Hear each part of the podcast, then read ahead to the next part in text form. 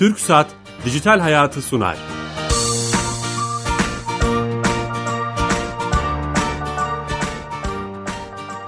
Dijital Hayat'a hoş geldiniz. Her cuma TRT Radyo 1 mikrofonlarında teknoloji, internet ve sosyal medyayı kısacası dijitalleşen hayatı konuşuyoruz. Bu hafta çok keyifli güzel bir konuyu ele alacağız. Sosyal medya ve spor ilişkisini. Çok değerli de bir konuğum var. Hepimizin çok yakından tanıdığı özellikle gençlerin gazeteci ve basketbol yorumcusu Kaan Kural bizimle beraber olacak. Bir canlı yayın arasında kendisini alacağız. Telefonla bağlanacak kendisi bize. Ee, bir de değişiklik yapacağız. Ee, TürkSat'a bağlanıyoruz her hafta. E-Devlet'i konuşuyoruz. Tuğan Avcıoğlu'na e, direktör arkadaşımız. Onu sonda alacağız. E, hemen konumuzu konuşup e, e, çok merak ettiğimiz dinleyicilerimizden de gelen merak eden soruları kendisine sormak istiyorum. Sosyal medya ve spor ilişkisini konuşacağız. Sosyal medyanın spora etkisini, teşviğini, belki sosyal sporun pazarlamasını konuşacağız.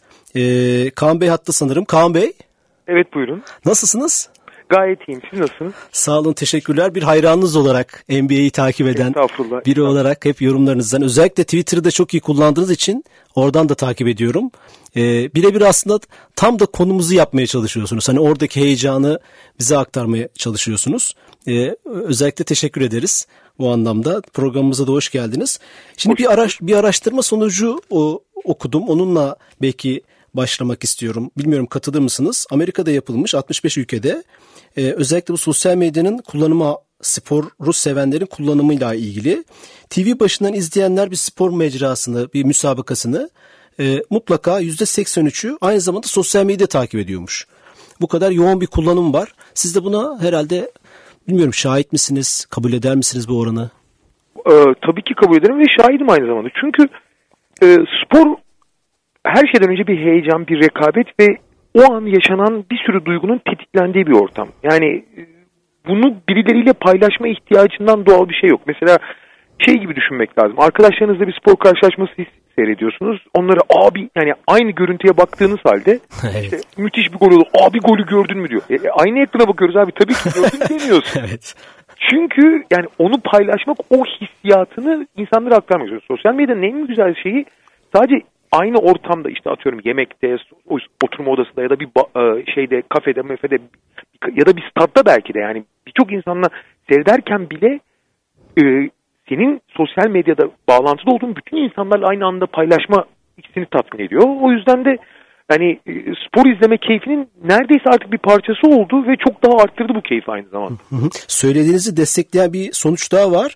Mekanda yani statta veya işte salonda izleyenlerin %63 aynı zamanda sosyal medyadaymış o an canlı. E tabii işte yani o anda yanında olanlar dışında evde olan, başka bir ülkede olan e, bir sürü insanla aynı anda paylaştığını hissedebiliyorsun. E, fikirlerini onlardan geri dönüşleri geri alabiliyorsun. Ama dediğim gibi yani aynı görüntüyü görüp abi golü gördün mü? Gördüm abi aynı gole bakıyoruz demiyor insanlar. evet tabii. evet ya bu tutkuyu paylaşmak istiyor. Tabii, Demek tabii, ki tabii. paylaşma içten gelen bir şey. Bu sosyal medya bunu destekledi. Siz bir de çok sık gidiyorsunuz e, ve bizzat belki salonda görüyorsunuz işte hem Avrupa'da, Amerika'da, Türkiye'de. E, bu e, özellikle teşvik anlamında, gençleri teşvik anlamında mesela bir Uncle Drev diye YouTube'da bir fenomen oluşturmuşlardı. Evet, Mutlaka evet. izlemişsinizdir. Bu teşvik anlamında sosyal medyada nasıl bir şey var? Hani tecrübelerinizi soracağım yani özellikle Amerika'da. Şöyle e, sosyal medyada sonuçta insanlar kendi duygu ve düşüncelerini paylaşıyor ve aynı zamanda kendi üretimlerini de paylaşabiliyorlar. Böylece bir şekilde yaratıcılığın veya kendi bakış açını e, bir çeşit dijital sanat olarak insanlara aktarabiliyorsun. Mesela e, çok basit bir örneği var. Dün bir karşılaşma oynandı. O karşılaşmada LeBron James'in yaptığı şeyler üzerinden mesela 30 saniyelik bir klip hazırlayıp onu kendi sosyal medya hesabından paylaşıp LeBron dün muhteşemdi deyip onu paylaşıp hem LeBron'a olan e, yani dünkü başarısını bir şekilde insanlarla paylaşmış. Hem de kendi yaratıcılığını, onu nasıl gördüğünü bir dijital bir sanat mı deniyor yoksa dijital bir kolajla ifade etme Süper. imkanı veriyor doğal olarak. Süper. Bunu NBA'in kurumsal şey mi yapıyor yani hesabı, yönetim Her, merkezi mi? Şöyle hem kurumsalı yapıyor hem bireysel olarak amatör olarak herkes yapıyor. Yarı profesyonel YouTube e, YouTuber'lar işte e, kendi sesi olan insanlar hani yarı pro, amatörler, yarı profesyoneller, profesyoneller, kurumsallar herkes yapabiliyor. Ve herkesin yapabilmesi için bütün imkanlar ortada zaten. Yani en basit örneği ben genelde e, ben biraz tabii yarı profesyonel sayılırım yani en azından Twitter ortamı için. Ben mesela kendi deneyimlerimi ya da kendi fikirlerimi paylaşırken bazen başkalarının ya da mesela resmi hesabın veya amatör hesapların hazırladığı belli küçük görüntüleri işte wine görüntülerini, e, Snappy TV görüntülerini paylaşıyorum ki hani söylediğim şeyin görsel bir parçası beraberinde gelsin. Hı hı. Türkiye'de sizden takip ediyor bunu yani. Ben hani o etkileşime bakıyorum. E, Okan'da çok şeysiniz yani. interaktifsiniz. E, 2002'den beri ben anlattığım için biraz hani orada e, mihenk taşı gibi oldum yani. O Evet. yüzden biraz da bir çek- merkezi çekim etkisi var onun. Kaan Kural deyince NBA akla gelir. Doğru. Ee, şey ve peki bunu artık içselleştirmişler mi? Hani işte NBA'nin merkezi yani sosyal medyayı iyi kullanmaya çalışıyorlar. Sırf Şöyle özellikle şimdi bu biraz yaş grubuyla ve biraz genel ilgi e, yani bu sosyal medyanın penetrasyonuyla alakalı. NBA izleyen kitlenin çok önemli bir kitle, e, grubu sosyal medyayı aktif kullanan kitleyle çok örtüşen bir e, grup. O yüzden doğal olarak sosyal medyada çok daha aktifler. Hani daha genç, daha e, işte mobil teknolojilerin çok daha yakınında olan kitle e, NBA'yi çok daha takip ediyor. Çok örtüşen bir kitle. bir, bir anlamda spor pazarlaması denebilir mi? Çok mu kapitalist bir yorum olur? Yo yani spor dünyası demek lazım buna ya da spor paylaşımı demek lazım. E sonuçta bu paylaşım ve dünyada pazarlamada işin içinde. Pazarlamadan çok yayılma demek lazım. Ha, yayılma. Yayıldığın zaman yayıldığın zaman daha da paz- pazarlanmış oluyorsun aynı zamanda. Zaten mesela pek çok profesyonel lig e, mesela Amerika'da Amerikan Futbol Ligi önce kendi e, yayın haklarının e, görüntü yani görüntü haklarının amatörler tarafından kullanılmasına izin vermiyordu. NBA ilk günden itibaren görüntülerin herkes tarafından kullanılmasına izin verdi sosyal. Oo çok kritik bir karar. Evet. Çünkü hani herkes önce ya bunlar işte milyar dolarlık yayın hakları bunlar hani görüntü hakları bunları niye veriyorsunuz? Sonra NBA bu tip küçük görüntülerin kısa görüntülerin yayılmak için ve e, tanıtmak için çok daha iyi bir fikir olduğunu, insanları çok daha fazla çektiğini, esas büyük yani maç gibi uzun görüntüleri daha fazla insanı içine çektiğini tespit etti. Şimdi yavaş yavaş diğer bütün sporlar da bu küçük görüntüleri, promosyonları işte iki, buçuk dakika özetleri herkesin kullanmasına izin veriyor artık. Ha mesela Türkiye'de de benzer tartışmalar var. İşte Türkiye'de futbol liginin özet görüntüleri yayınlanmıyor. İşte onlar çok büyük paralara gidiyor falan. Evet onu soracaktım. Evet. Ha mesela yani bu tabii ekonomik yaklaşıyor herkes olaya ama görüntülerin paylaşılması, yaygınlaşma ve e, insanların ilgisini canlı tutmak için çok e, değerli ve gerekli bir şey. Fakat Türkiye'de futbol zaten yeterince ilgi uyandıran ve e, insanları çeken bir şey olduğu için bunu bedava yani bu şeyi e, ürünü de bedava vermek istemiyor bu ürünün sahipleri. O yüzden öyle yapmışlar. Ama bence benim kişisel görüşüm e, elde edilen değerden daha büyük bir gelir sağlamak yerine elde edilen değeri büyütmek daha iyi bir fikirdir. Ama bu benim kişisel görüşüm yoksa. Şey yani markayı da büyüten bir şey değil mi? O hani Tabii, iki tabii. dakikalık, üç dakikalık şeyler. Artı sadece markanın büyümesinden öte bir şey de var. İnsanların sürekli bunun bir parçası olarak hissetmesi ve bundan beslenmesi, bunu beslemesi aynı zamanda. Yani şimdi siz bir, bir maçın görüntülerini atıyorum Kayseri Spor, e, Bursa Spor maçının görüntülerini istediğiniz gibi verirseniz o bir maç görüntüsü. Onun özetini de çıkarırız. Ama binlerce amatör insan buradan harika bir kolaj yapıp o maçı çok başka bir şekilde görmeni sağlayacak e, klipler, e, parçalar gösterebilir. Gösterir. Çok da yetenekli değil mi? Farklı şeyler çıkabilir. Olağanüstü. Ya ben mesela en basit örneğini söyleyeyim. Şimdi NBA tabii bu konuda çok profesyonel olduğu için çok harika video editörleri var. Hani e, Hollywood'dan alınmış saatlerce çalışan, çok iyi ekipmanlarla çalışan harika promosyon videolar hazırlıyorlar. Yani böyle seyrettiğiniz zaman ağzı açık kalıyorsun. Ne kadar, çok takdir ediyor. Ama mesela bir tane Türk genç vardı. Meir 21 şeyiyle, e, mahlasıyla şey yapan. Onun yaptığı edit onun editörlüğünü yaptığı videoları görseniz hani hayran olursun. Hani Allah yaptığı en iyi şeylerle kıyaslanabilecek düzeyde. Ne oldu peki sonuçta? Hani e, Sonra daha o gene video işinde çok daha profesyonelleşti ama NBA'yi çok seviyordu. Amatör yapıyordu. Daha diğer işleri yoğunlaştığı için daha az üretmeye başladı ama hala üretim sağlıyor. Yani YouTube'da bulabilirsiniz mesela. Hani bir örnek. Başka bir sürü örnek daha var. Benim hani Türkiye'den aklıma geldiği için. Amerika'da falan çok daha fazla örnekleri var. Bu, bu işi amatör yapanların e, çok başarılı işte mesela en iyi maç özetlerini şeyler hazırlıyor. Amatörler hazırlıyor. ama. amatörler hazırlıyor. Bir de şunu görüyorum ben hani çok fazla böyle duvar olmak da çok manasız çünkü bir periskop gerçeği var. Yani siz hani istediğiniz kadar yasaklayın işte vermeyeceğim deyin. İnsanlar hani bir televizyon ekranı karşısına geçip e, işte bir te- akıllı telefonundan maç yayını yapıyorlar. İşte televizyon Türkiye'de Ya. futbol liglerine şahit oluyoruz. Yani hiçbir şey yapamıyor o zaman o ihaleyi alan grup bununla alakalı. Şöyle yani onun tabii çok büyük e, mali getirileri götürüleri var ama sonuçta insanlar özellikle belli bir maddi imkanın üzerine çıktıktan sonra bu işin en keyifli halini izlemek. Tamam yani imkanınız yoksa ya da elinizde o maçı seyretme şeyiniz e, yoksa periskoptan vesaire seyredebilirsiniz. Fakat bu bir keyif. Sonuçta bu keyfi en iyi şekilde almak için HD bir şekilde güzel bir görüntü görmek istiyorsunuz. Ben şahsen öyleyim. Doğru. Ben, benim için bu büyük bir keyif. Ve ben açıkçası küçük bir ekranda e, 360 işte 480p ya da 366p görüntü beni tatmin etmiyor artık yani. Evet Ya yani. Ben ben pırıl pırıl en keyifli en güzel. Ya zaten yılda kaç tane maç izliyorum kardeşim. Bu da en iyi haliyle olsun diyorum. Ben benim şahsi görüşüm o. Ha imkanım olmasa şeyde de seyrederim tabii. Yani periskopta ha periskoptan seyretmedim mi ya da internetteki başka linklerden, Sopcast'ten falan se- seyrettiğim bir sürü yayın da oldu. Onları ya- yatsımak için söylüyorum ama imkanım varsa en üst düzey kalitede seyretmeye çalışıyorum. Şunu anladım söylediklerinizden, o, hani o tecrübelerinizden, deneyimlerinizden. Türkiye'de de bu işin mutlaka amatörler tarafından hani kısa görüntülerle de olsa pazarlamasına veya sizin tabirinizde yayılmasına izin verilmeli. Bence kesinlikle öyle. O, e, Bence e, kesinlikle öyle. izin. Zenginleştiririz ya. Zengin, her şey önce zenginleştiririz. İçeriği zenginleştiririz. Aynen öyle. Aynen öyle. İşte sosyal medyanın spora da katkısı olmuş olur. Peki şöyle bir tartışma okudum ben bu e, programdan önce. Şiddeti de sonlandırmada veya tetiklemede iki farklı görüş var. Sosyal medyanın etkisi var. İşte oradan hani kahramanlara, ünlü kişilere linç girişimleri vesaire oluyor. E, küfürler, e, işte itibar linçleri vesaire. Siz buna Tabii katılıyor musunuz? Olumlu olumsuz? Çok katılıyorum. Zaten her şey yani paylaşımın artmasına bağlı bir şey. Şimdi ben mesela atıyorum sizinle bir tartışma yaşıyorum. Sizin bir hareketinizi beğenmiyorum. Size sizi şey yapan, rahatsız eden ya da sizi küçümseyen bir şey söylüyorum. Bunu size birebir söylemem var.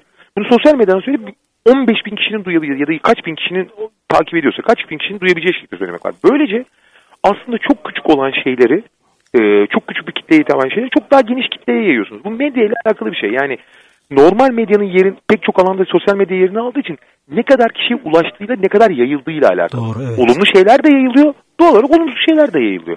Doğru. Yani şeyi En tetikliyor kötü, mu? en kötü tarafı, en kötü tarafı sosyal medyanın e, herhangi bir filtresi olmadığı için e, gerçek ve e, uydurulmuş içerik bazen birbirine çok karışabiliyor. Hani klasik sosyal medyada e, kay- şey e, ke- kesin bilgi yayalım e, tabiri vardır ya. Evet. Hani yani kesin olmayan bilgiler veya kesin olmayan yaklaşımlar üzerinden çok fazla yayılıp inanılmaz bir bilgi kirliliği, o bilgi kirliliğinin üzerinden tetiklenmiş negatif veya pozitif onlarca duygu oluyor. O biraz tabii so- sorunlu. Hı hı. Şeyi okumuştum. Arsene Wenger, e, Arsenal'in hocası.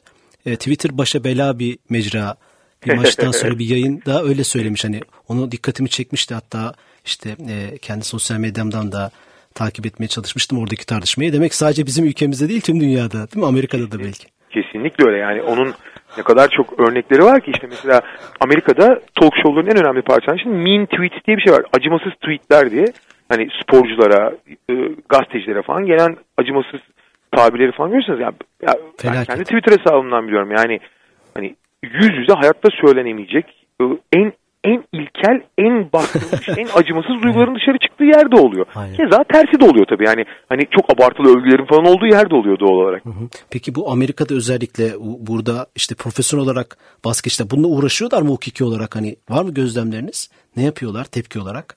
Küfür Ya ettiler genel, onlara. genelde e, sosyal medya hesaplarının pek çoğu e, birebir bireysel hesaplar olmadığı ve hani arkasında kimin olduğunu tam bilmediğiniz için e, pek birebir mücadele edebildiğiniz bir alan değil. Artı genelde sosyal medyada gelen bir reaksiyona e, tamamen bir yanlış bir bilginin yayılmasını engellemeye çalışabilirsiniz. Ya o hani böyle bir şey yayılmış ama böyle değil deyip ancak açıklayabilirsiniz. Ama birebir gelen tepkiye karşılık vermek hiçbir zaman iyi sonuç vermiyor.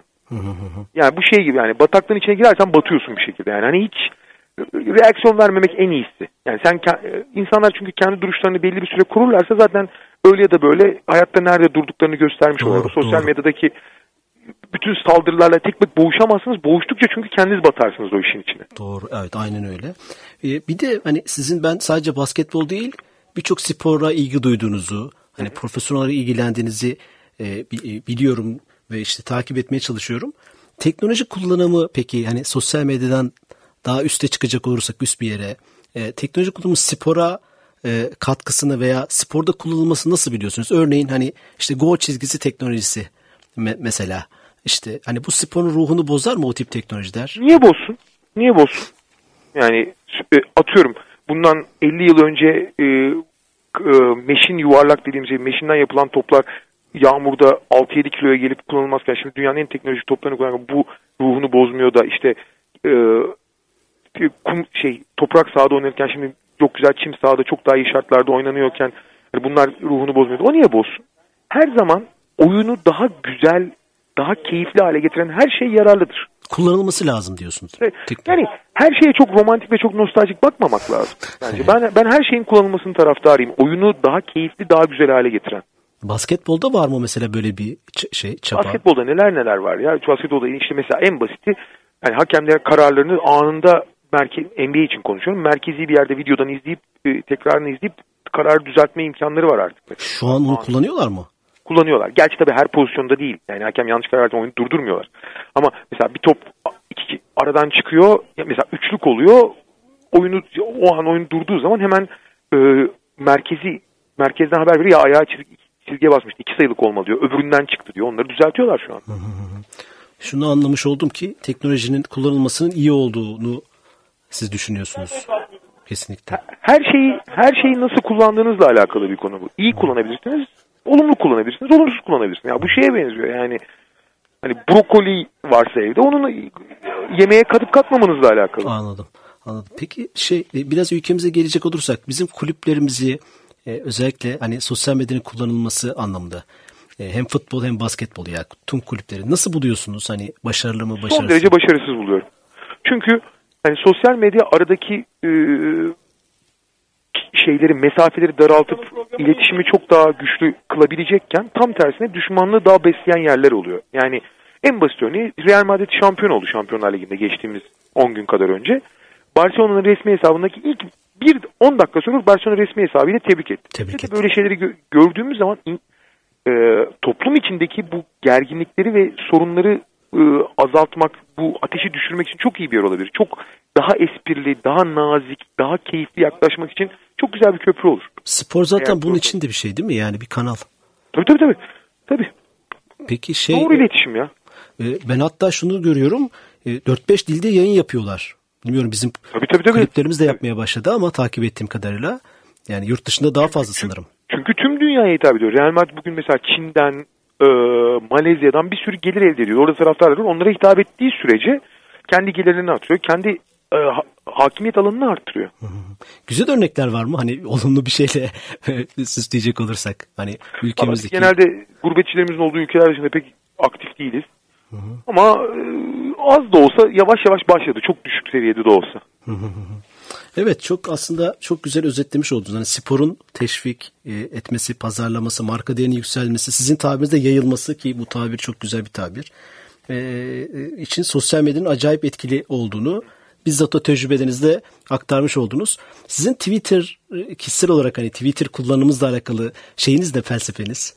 Mesela. Valla ben Twitter'da e, o kadar çok tartışma üzerinden yani o kadar çok negatif elektrik oluyor ki ben genelde NBA dışında çok yani NBA e, basketbolu dışında e, çok fazla kullanmıyorum. Daha kişisel paylaşımlarım son derece sınırlı oluyor. Diğer sporlarla ilgili olarak da çok nadir oluyor. Ben sadece Twitter'ı aslında biraz NBA sözcüsü gibi kullanıyorum E, ama NBA sözcüsü. aynen e, ama yakın zamanda onun daha kapsamlı kullanmaya başladım ama NBA ile ilgili çok daha aktif kullanıyorum. Hı hı. Kaan Kural Twitter adresi. Kaan Bey'i oradan takip edebilirsiniz. Kaan Bey çok teşekkür ediyoruz. Ben teşekkür ederim. Canlı yayın arası sizi aldık bilmiyorum. Umarım engel olmamışızdır da. Estağfurullah. Ee, iyi Ben yayınlar diliyoruz. Çok sağ olun. Süper bilgiler verdiniz. Teşekkürler. Ben teşekkür ederim. Sağ olun. Kolay gelsin. Evet. E, gazeteci basketbol yorumcusu Kaan Kural'la görüştük. Bir canlı yayından adeta aldık onu. Ve e, çok güzel bilgiler verdi. E, bizzat pratik olarak bu işleri e, mekanında gördüğü için canlı örneklerle özellikle e, amatörlerin yani vatandaşın sokaktaki vatandaşın spor esnasında sp- spor mecralarında e, spor karşılaşmalarında e, basketbol futbol neyse e, mutlaka kendi paylaşımlarını yapması ve bu konuda bir teşvik olduğunu söyledi. Bunun çok önemli olduğunu düşündüğünü söyledi ve buna spor yayılmacılığı, marka değerini arttırmak anlamında spor yayıncılığı, yayılmacılığı ifadesini kullandı. E, sporun ben de aynı şekilde çok faydalı olduğunu düşünüyorum. Sosyal medyanın spor anlamında, spor mecralarında kullanılmasını, şiddeti teşvik etmediğini ve bitirdiği, e, bitirmeye yönelik olduğunu düşünüyorum. Ve teknoloji kullanımının da mutlaka spor içinde kullanılması gerektiğini düşünüyorum. Çok güzel bilgiler verdi. Şimdi başta söylediğimiz e, her hafta bağlandığımız TürkSat bağlantısını şimdi yapacağız. Ankara'ya bağlanacağız. E, E-Devlet Kapısı uzman direktörü Tuğan Avcıoğlu ile bağlanacağız ve bu haftaki hayatımızı kolaylaştıran özelliği kendisiyle konuşacağız. Tuğan Bey. Merhabalar Bilal Bey. Nasılsınız? Sağ olun, iyiyim. Siz nasılsınız? Sağ olun. Bu, bu hafta böyle bir değişiklik yaptık. Ee, umarım programımızı bozmadık. Evet, baştan başladık. Bu sefer sondan Evet, oldu. sondan sona doğru geldik. Bozulmadı canım. Gayet iyiydi. Ama gayet iyi oldu. Hatta bayağı da bir vaktimiz var. Ee, sizin evet. şeyinizi dinliyoruz. Bu hafta hangi özelliği bize anlatacaksınız? Şimdi e, biz bir süredir aslında bu e, Adalet Bakanlığı'nın e, ve bağlı kuruluşlarının hizmetlerini sunuyoruz. E, Anayasa Mahkemesi ile ilgili de yine bağlı kuruluş olarak söylüyorum. E, bir hizmet sunumunun söz konusu. Şöyle ki e, işte normalde Adalet Bakanlığı dava durum sorgulamasını vatandaş çok uzun bir süredir görebilir. Gittiği zaman bakabiliyor. Aynı şekilde e, biliyorsunuz bunlar süreçleri farklı olduğu için Yargıtay'da da işte kişinin bir davası Yargıtay'a intikal ettiyse orada da işte farklı bir süreç ilerliyor. Adalet Bakanlığı bir yerden sonra kesiyor. Yargıtay'a değer olmuştur deniyor. Yargıtay'a devam ediyordu. E, sonrasında da işte e, tabii yol tükenmiyor. Yargıtay'da da eğer bir sorun e, sonuç bulamazsa vatandaş bireysel başvuru yapabiliyor Anayasa Mahkemesi'ne biliyorsunuz bu son iki senede çıkan bir kanunla. E, bireysel başvuruyu da biz bütün bu süreçlerin hepsini E-Devlet kapısı üzerinden e, takip edebiliyoruz. Süpermiş bu özellik. En güzeli bu. Hı hı. Yani e, bir kişi davasıyla ilgili bir durum olduğu zaman en başından en sonuna kadar işte Anayasa Mahkemesi dahil e, o süreçlerin hepsini e, görebiliyor. E, bir tek işte Avrupa İnsan Hakları Mahkemesi konusu biraz sorun. Onu da tabii Avrupa'da olduğu için veremiyoruz ama hı hı. sonuç olarak yani bütün dava durum sonuçlarını vatandaş devlet kapısı üzerinden hem sorgulayabiliyor hem de durumunun neticesini görebiliyor. Süper yani bu özellik. Şey. Yani evet aslında e, oturduğu yerden bütün sonuçlarına bakabiliyor ve bunu hani e, Adalet Bakanlığı farklı e, hizmet sunum kanalları var. İşte bu dava durumu ile ilgili e, işte e, SMS'le başvurup e, belirli bir yere kayıt olup oradan belli bir ücret karşılığında e, sonuç alabiliyorsunuz ama biz zaten ücretsiz bir şekilde detaylı verebiliyoruz. Peki şey özellikle çok ilginç bir şey söylediniz. E-Devlet kapısını hep de merak ediyordum. Şimdi belki de şimdiymiş zamanı. Ee, hiç Avrupa'daki bir kurumla e, bir bağlantısı var mı? Hani mesela Avrupa İnsan Hakları Mahkemesi dediniz. Ee, bizim e, yapımız maalesef bir kimlik doğrulama yapısı olduğu için çok güvenlik nedeniyle bunu yapıyoruz. Ee, Avrupa'da e, Avrupa'daki bir vatandaşın veya Türkiye'deki bir vatandaşın Avrupa'da e, kimlik doğrulama mekanizması henüz eşleşmiş değil. Ha, bununla ilgili e, ARGE boyutunda yapılan çalışmalar var. Yani şimdi şöyle düşünün. E, biz İngiltere ve Avrupa Birliği ülkeleriyle entegre olduğumuzu düşünelim. Yani oradaki bir vatandaş e, Türkiye'ye geldiği zaman bir takım hizmetlerini e, doğrudan kimlik doğrulama mekanizması kullanarak alabilse veya biz oraya gittiğimiz zaman alabilsek diye başlayan bir takım projeler var aslında bakarsanız. Hı hı. Ama hani ilerlemiş değil. Ee, yani belli bir noktaya geldi fakat tam anlamıyla gitmedi. Burada TÜBİTAK'ın da ortak olduğu bir proje bu. Yani bu kimlik doğrulama mekanizması nedeniyle aslında şu an biz Avrupa'daki hizmetleri e, veya Türkiye'deki hizmetleri Avrupa'ya taşıyamıyoruz aslında. Hmm, süper. Bir de son olarak şeyi e, e, tüm ülkede e, ülkeyi gezdiğinizi biliyorum ekip olarak. Belediyeleri evet, vesaire. Evet. E, orada nelerle karşılaştınız? Onu da... Yani süremiz kısıtlı olduğu için çok başı, başındayken hani e, çok söyleyemiyorum ama e, ben çok farklı yerlerden... Şimdi süre açtım size. Lütfen konuşalım. Yok şöyle iyi oldu bu. O zaman konuşamıyorduk ama şimdi söylememizde fayda var. Tamam. Biz belediyelerle ilgili e, farkındalık oluşumunu bir araya getirmeye çalışıyorduk aslına bakarsanız. Nasıl derseniz e, işte birçok belediye edelet kapısından aslına bakarsanız haberdar değillerdi. E, bunu ilçe belediyelerinin kadar indirgemeyi dedik ve bu anlamda bir çalışmaya e, adım attık. Hı hı. Dedi ki bütün il belediyeleri kendi ilçelerini toparlasın, biz gidelim kendimizi anlatalım. Ve entegrasyon süreçlerini hızlandırmaya çalışalım. E, bu sayede işte bütün Türkiye'yi kabul edelim hesabıyla yola çıktık ve e, beş arkadaş neredeyse tüm Türkiye'yi dolaştık diyebiliriz. Ben daha çok Doğu Anadolu bölgesindeydim. Yani sizin programlara e, Siirt'ten, Şanlıurfa'dan, Erzurum'dan... Ha, bunu bilmiyorduk, öğrenmiş olduk böylece. Ben işte dediğim gibi bahsedemedim. Bugün buradayım, şu an buradayım. Hatta e, şöyle bir anekdot anlatayım. Bir ara e, sohbetimiz tam şeye denk gelmişti. Toplantının ortasına ben rica ettim dedim salona. E, kusura bakmayın e, bir sunum yapıyoruz ama dedim böyle bir e, programa da takılmış olmam gerekiyor. Siz de şahit olmuş olursunuz. Ama işe de devam ediyorsunuz aynı zamanda. Bu bir işin devamıysa hani ara vermiyorsunuz aslında. Tabii tabii ben de orada size bahsettiğim konuyu e, onlara da anlatmış oldum açıkçası. Yani aslında sizin seyirciniz artı orada oldu. Radyoda olmasa bile salondakilerle birlikte artmış oldu e, dinleyicileriniz. O sayede değişik bir boyuta e, gitmiş oldu. E, bu işleşliği biz artık hani kanıksadığımız için sizinle programı yaparken hani bu noktada çok da şey değiliz. Öyle geri planda değiliz. E, nerede olursa olsun e, fark etmez biz sizin programınıza katılalım kendinizi anlatalım derdiniz. Süper. Neresiydi o bu toplantıyı bırakıp girdiğiniz yer? Hangi ildi? Erzincan'daydık. Erzincan. O sırada aslında e, Başbakan e, o gün işte oradaydı. E, gelmek üzereydi yani. Daha doğrusu gelmemişti ama e, biz de o gün oradaydık. İşte değişik bir zamandı yani o gün. E, ve biz o toplantıyı Erzincan'da sizin de dahil olduğunuz bir şey. Süper. Aslında şey mesela orada yaşadığınız e, birçok anı e, paylaşabilirsiniz. Bileyim işte sizin Twitter adresinizden, Facebook adresinizden. Yani Evet, çok çok çok keyifli olur yani size siz e-devleti anlatıyorsunuz bir belediyeye adeta onu dönüştürmek istiyorsunuz. Ee, elektronik devlet e, ekosistemini almak istiyorsunuz.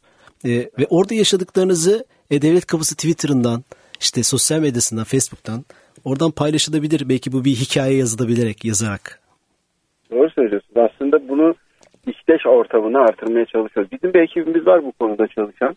Yani biz onlara mümkün olduğu kadar bilgi vermeye çalışıyoruz. Bazen geride kalıyoruz, bazen onlar ileride gidiyorlar ama bu dediğinizi e, de bir kenara not almış olalım ve bu sayede ilerleyelim. Süper. Teşekkür ediyoruz. Hem e, E-Devlet Kapısı sosyal medya ekibine hem de size tüm ekibe selamlar. Çok sağ olun. Size de görüşmek üzere. Sağ olun. Haftaya görüşürüz umarım. Evet. E, TürkSat'a da bağlandık. Hem tatlı da bir anılarını anlatmış oldular. Şimdi bugün çok önemli bir karşılaşma var. E, onunla alakalı bir spotumuz var. Ona bağlanacağız. TRT 2016 Avrupa Futbol Şampiyonası'nda da gözünüz kulağınız olacak. A milli takımımızın grup maçları TRT Radyo 1'den canlı yayınlanacak. Ay Yıldızlıların 17 Haziran saat 22'de İspanya karşılaşması TRT Radyo 1'de. Radyo 1'de. Bitti demeden bitmez. Gitti demeden gitmez. Şampiyonuz inşallah. Bizde bu ateş sönmez. Evet. E, bu akşam 22'de önemli bir karşılaşma var. Türkiye-İspanya ikinci maçımız. E, bitti demeden bitmez e, dedi bu spotta.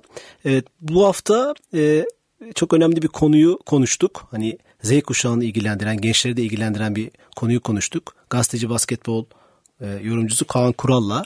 E, Kaan Kural e, yeni açan dinleyicilerimiz için belki tekrar etmekte fayda var. Sosyal medyanın spora olan e, katkısını, ilişkisini e, konuştuk. Acaba teşvik ediyor mu e, gençlerin spor yapmasına? İlgiyi vesaire. Özellikle söylediği ilginç bir şey var. Hem mecrada, televizyon başında hem de mekanda yani salonda, statta e, e, izleyicilerin sosyal medyaya girerek o anı paylaşmak istediklerini söyledi.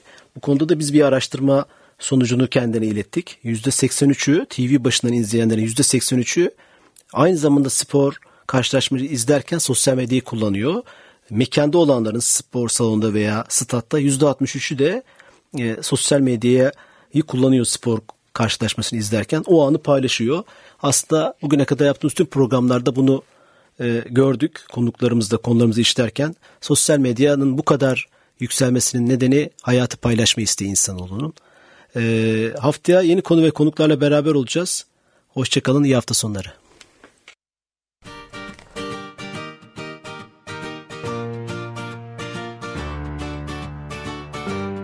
TürkSat Dijital Hayatı sondu.